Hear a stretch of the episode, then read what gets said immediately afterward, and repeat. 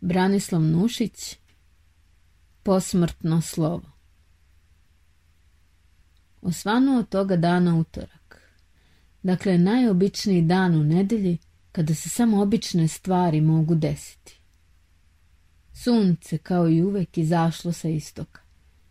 Gospodin načelnik, kao i uvek, otišao dockan u kancelariju. Moja se gazdarica, kao i uvek, jutro svađala sa svojim mužem. Jednom rečju sve neke vrlo obične stvari koje se samo jednog božijeg utornika mogu desiti. A evo i nešto neobično što se toga utornika desilo. Dođe mi izjutra jedna vrlo neobična poseta. Pandur iz načelstva. Utoliko neobičnije što sam primetio u pandura oči pune suza. Kako nikad dotle u životu nisam video pandurske suze, posmatrao sam ih ovom prilikom sa osobitom radoznalošću. Gospodine, poče pandur. E, rekoh, a brojim mu suze. Poslao me gospodin načelnik k vama, nastavi on vrlo potresnim glasom. K meni? Lepo, pa šta je? Poslao me da vas vodim u načelstvo, završi pandur i briznu u. Kad čuh poslednje reči, i meni naiđoše suze na oči, jer najzad i ja razumeh u tome času da je to zaista vrlo žalosna stvar kad koga vode u načeljstvo. Potapkah pandura po ramenu i počeh sad ja potresnim glasom. A, bratac moj, znaš li ti slučajno zašto me onako to zove gospodin načelnik? Znam otprilike. Umro je noćas gazda Josif Stojić, umro naprasno. Do sinoć je još bio živ, a noćas umro. Lepo, Bog neka mu dušu prosti, nego kaži ti meni, zašto me to zove gospodin načelnik? Pa zato vas zove. Zašto? Kako to? A da nije bratac moj gazda Stojić umro neprirodnom smrću, jer valja znati da mu ja nisam nikakav naslednik. Ama nije, veli Pandor, nego sprema se cela varoš da gazda Josifa što može bolje zahrani, pa kao zato znate i vas zovu. Tako, brate, što ne kažeš, što se toga tiče, razume se tako da te čujem pa se uputi smo zajedno na čelstvo sa mirnom dušom i suzama u očima. Cela se varoš ustumarala. De god koga poznanika sretneš, tek ti spušta šaku na rame i potresnim glasom govori. Šteta, izgubili smo gazda Josifa. Gazda Josip umro, a takvi se ne rađaju. Uđem gospodin načelniku, on me predusreti vrlo ljubazno, ponudi me da sednem i za sve vreme našeg razgovora govorio je potresnim glasom. Može se uopšte reći da je toga dana cela varoš govorila potresnim glasom. Ja mislim da se i moja gazdarica jutro svađala sa mužem potresnim glasom, samo što ja to nisam mogao primetiti, ne znajući za žalost koja je našu varoš zadesila. Gospodin načelnik mi najpre reče ovo. Gospodine, Vama je poznata zla kob koja je zadesila našu varoš. Noćas je umro gazda Josip, čovek redkih zasluga, koga je sva varoš poštovala. Vi možete i sami da ocenite koliku blagodarnost mi svi dugujemo pokojniku, pa smo radi da odamo tome i vidljiva znaka. Potrebno je između ostalog da nad pokojnikom neko govori jedno nadgrobno slovo. Kako mi je poznato da ste vi napisali jednu šaljivu igru za pozorište, po čemu bi se moglo reći da ste u neku ruku književnik, to nalazim da bi vi to najbolje umeli i mogli. Gospodin načelnik je to sve izgovorio tačno i ozbiljno. Priznajem, gospodine načelniče, počeh ja kao malo zbunjeno. Priznajem da bi se moglo reći da sam ja u neku ruku književnik, ali znate ta vrsta nadgrobna slova – A ne, ne, prekidi me načelnik brzo. Ja vam ostavljam potpunu slobodu. Vi sami izaberite stil i onako to baš ne mora biti sastavljeno klasično kao za pozornicu, nego tu se malo zbuni gospodin načelnik i poče kobajagi da namešta stolicu. Lepo, gospodin načelnič, ali ja znate, nemam ni dovoljno materijala. Kako? Vama nisu poznate zasluge pokojnikove? Ne. Nego da, vi ste od skoro u našoj varoši. Da. Kažite mi ih uglavnom. Ja izvadih parče hartije i pisaljku. Da, da, pravo kažete da vam kažem.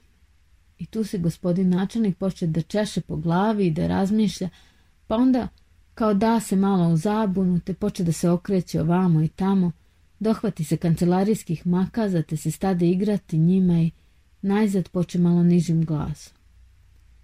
Ja, upravo da vam kažem, ja sam tek tri godine ovde, pa mogao bih vam kazati samo opštim frazama, ali za takve stvari bolje da imate pojedinosti, zar ne? Da, ali ko bi me mogao obavestiti? Gospodin načelnik se domisli, pa reče veselo i brzo. Znate, idite gospodin Proti. Najbolje otidite gospodin Proti. Oprostim se dakle sa gospodinom načelnikom, te se uputih gospodinu Proti, razmišljajući usput kako li bi otprilike glasio početak besede. Zatečem gospodin Protu kod kuće. Sedi na slonjači u štikovanim papučama i belim fusiklama i čita veliki srpski narodni kuvar, koji je napisala Katarina Popović Midžina, a posvetila svojoj materi Nančiki Petrovićevoj purgermajstorki. To je lepo, to je vrlo lepo, reče ushićeno gospodin Prota, kad mu saopštih čega sam došao. Vi da bome kao prota, vi ćete mi moći najbolje kazati sve velike zasluge pokojne koje bi trebalo u besedi izneti. Da bome, da bome.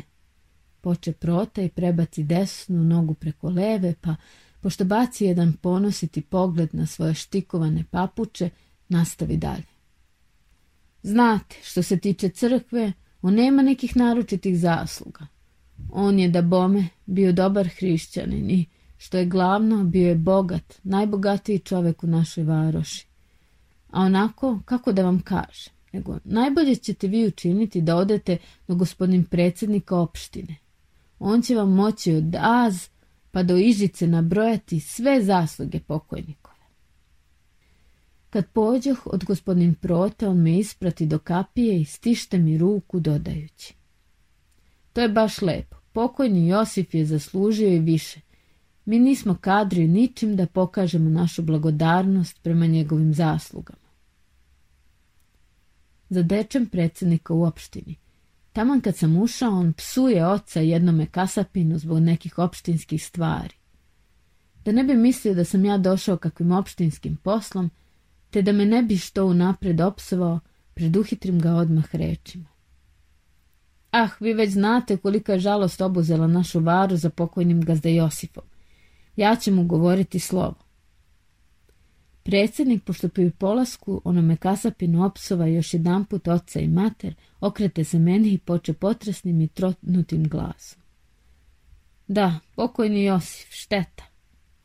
Vi ga već odavno znate. Ja, razume se, zajedno smo odrasli. Ja bih vas molio da mi nabrojite sve njegove zasluge od Az pa do Ižice, kako bih ih sve u slovo uneo. Da, da, slovo svakojako treba govoriti. I to molim vas neka je što duže, neka se ne kaže da smo tek onako snogu odužili tome čoveku u kome smo toliko mnogo izgubili. Ja sam naredio da ceo opštinski odbor dođe danas ovde u sednicu. Može, znate, i opština dati venac, to bi svakojako trebalo. Ja uzeh pisaljku i hartiju. Molim vas dakle sve što o njemu znate. Sve što o njemu znam, poče predsjednik. Moje dakle mišljenje da bismo trebalo dve besede govoriti. Kamo sreće da ima ko, pa bi mogli i tri. Jedna pred pokojnikovom kućom, jedna pred opštinom, jedna pred crkvom i vaša nad samim grobom.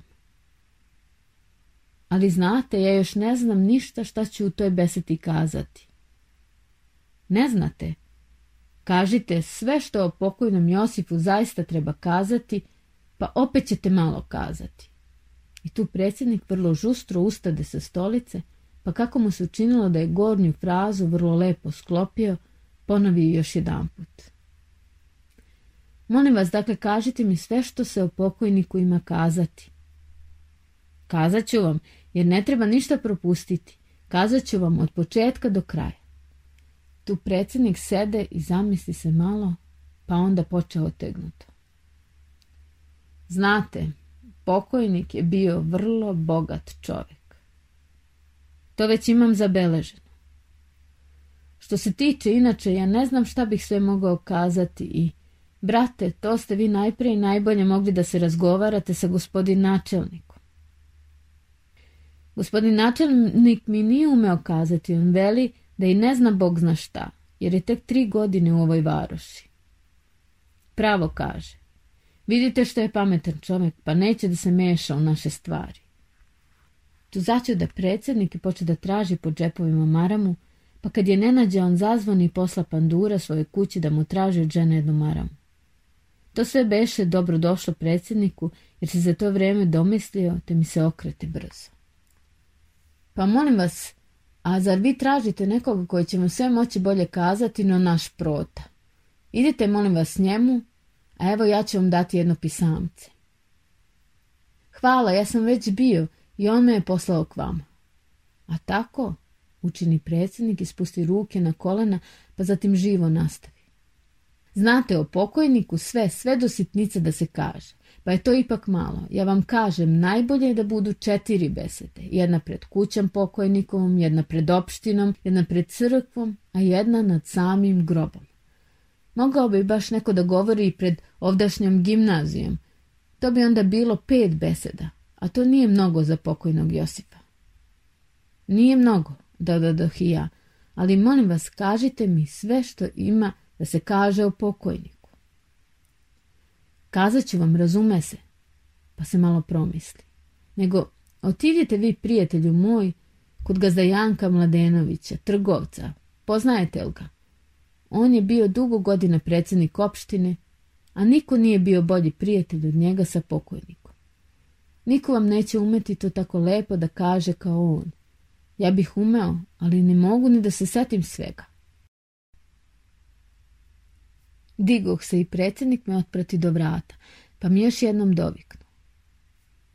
Kad odete gospodin načelniku, kažite mu moje mišljenje, da ne bi rđavo bilo kad bi bilo više beseda. Jedna pred pokojnikovom kućom, jedna pred gimnazijom i jedna nad samim grobom. A možda bi mogla još jedna pred načalstvom. Neka se razmisli gospodin načelnik o ovome, neće rđavo biti. Gazda Janko Mladenović me odmah predusrete rečima. Zašto vas, brate, šalju meni? Ne znam ja to ništa. Pokojnik je bio bogat i svi smo ga poštovali i bio je vrlo zaslužan, ali ja vam ne znam to kazati zašto je bio zaslužen. Idite načelniku. Bio sam. Idite proti. Bio sam. Lepo idite predsjedniku opštine. Bio sam. E, ja ne znam. Zasluge, zasluge. Pa da bome da ih je imao, te još kakvih zasluga. I sve to treba kazati u beseti i ne treba ništa ostaviti. Ama ja vam to ne umem reći, idite kom drugom. Eto, idite okružnom fizikusu. On ga je lečio, on treba da zna sve to. Odem okružnom fizikusu i zatečem ga u avliji. Baš uzeo viljušku, buši njome krastavce i slaže ih u ćup za turšiju. Vi ste, gospodine doktore, lečili pokojnog Stojića, kojega, kao što vam je poznato, žali cela varoš. Počeh ja sedajući na stolicu u Avliji. Ja sam gospodine, ali šta mogu ja? Naredio sam mu da jede samo laka jela, a on se najao juče pasulja, pojao je tri tanjira. Molim vas lepo, vi ste recimo zdrav čovek, izvolite dakle požderati tri tanjira pasulja, pa ćete lipsati kao marvinče. Pa onda okružni fizikus, okružni fizikus. A šta tu pomaže okružni fizikus kad samrtnik poždere tri tanjira pasulja? Bog da mu prosti dušu, nastavih ja vrlo ganutim glasom. To što je pojeo tri tanjira pasulja, to mu je i ovoga i onoga sveta. Pravo kažete. dodade fiziku sutešno i spusti posljednji krastavac u čup koji je već bio do vrška pun. Pošto smo napravili tako lep uvod, ja mu saopštim radi čega sam došao k njemu. Doktor stade da dobuje po kolenu, pa zatim zavuče mali prst u usta i uze da čačka jedan zub. Pokojni Stojić je, gospodine moje, bio zaslužan čovek. Počeo on jedva jedan put, ja odmah izvadi hartiju i pisaljku. On je bio vrlo bogat i vrlo poštovan, nastavi fizikus. To imam već zabeleženo, ali o zaslugama. O zaslugama, gospodine moje, o zaslugama, ja vam to ne umem kazati. Najposle, eno vam ga direktor gimnazije, čovek najpozvaniji da vam to jasno i razgovetno kaže. Ja ne znam zašto ste vi uporno upravo došli meni. Ja vam to ne umem kazati. Dignem se dakle direktoru gimnazije. Zateče mi njega u avliji, radi gimnastiku. Uspeo se čak gore uz direk, pa na onoj visini nekako previja telo i levo i desno i Bože me prosti, učini mi se kao da se i kezi. Pošto sam ga počekao tako 5 do 6 minuta, on siđe dole sa voznojen i raskopča prslu, košulji prvo dugme od pantalona, pa zatim sede i ponudi mene. Radite li vi gimnastiku, dragi gospodine? Počeo on. Ne, gospodine direktore, ali sam rad da govorim nadgrobno slovo. A, pokojnom Stojiću. Zaista imate pravo, to je redak čovek. Naša varoš gubi jednog zaslužnog čoveka. Ja sam baš i došao da vas, do vas da me upoznate sa tim zaslugama, kako bi ih pomenuo i izneo sve u besedi. Mislio sam i sam da govorim jedno slovo. Nastavi direktor i poče da briše maramom znoj oko vrata, ali dobro je kad ćete me vi zameniti. Molim, dakle, recite mi sve što biste vi u tom slovu kazali. Izvadi hartiju i pisaljku. Stojić je bio vrlo bogat čovek. Da, to već imam zapisano, ali zasluge. E, moj dragi, što se tiče zasluga, ja sam i sam mislio da se obradim ogružnom inženjeru koji se mnogo bavi tim javnim poslovima. Najbolje je da i vi odete njemu. Oh, taj će vam svaku sitnicu znati. Odoh okružnom inženjeru. Zvone sva četiri zvona. Spušta se ozgo glavnom čaršijom ogromna pratnja. Načelstvo, opština sa odborom, sveštenstvo, gimnazije i osnovne škole, esnafi, venci, ripide, zatvoreni dućani. Eno ga već sprovod kod crkve, a ja još nisam gotov sa bribiranjem materijala za besedu. Direktor gimnazije poslao me okružnom inženjeru inženjer direktoru banke, direktor banke predsjedniku čitaonice, predsjednik čitaonice predsjedniku dobrotvornog društva, predsjednik dobrotvornog društva, predsjedniku pevačkog društva, starešini trgovačkog esnafa, ovaj dalje i sve dalje i dalje, a na moje hartiji koju sam poneo da ispunim beleškama o zaslugama pokojnog Josipa Stojića, ostala je uvek usamljena ona prva beleška. Pokojni Stojić bio je vrlo bogat čovjek.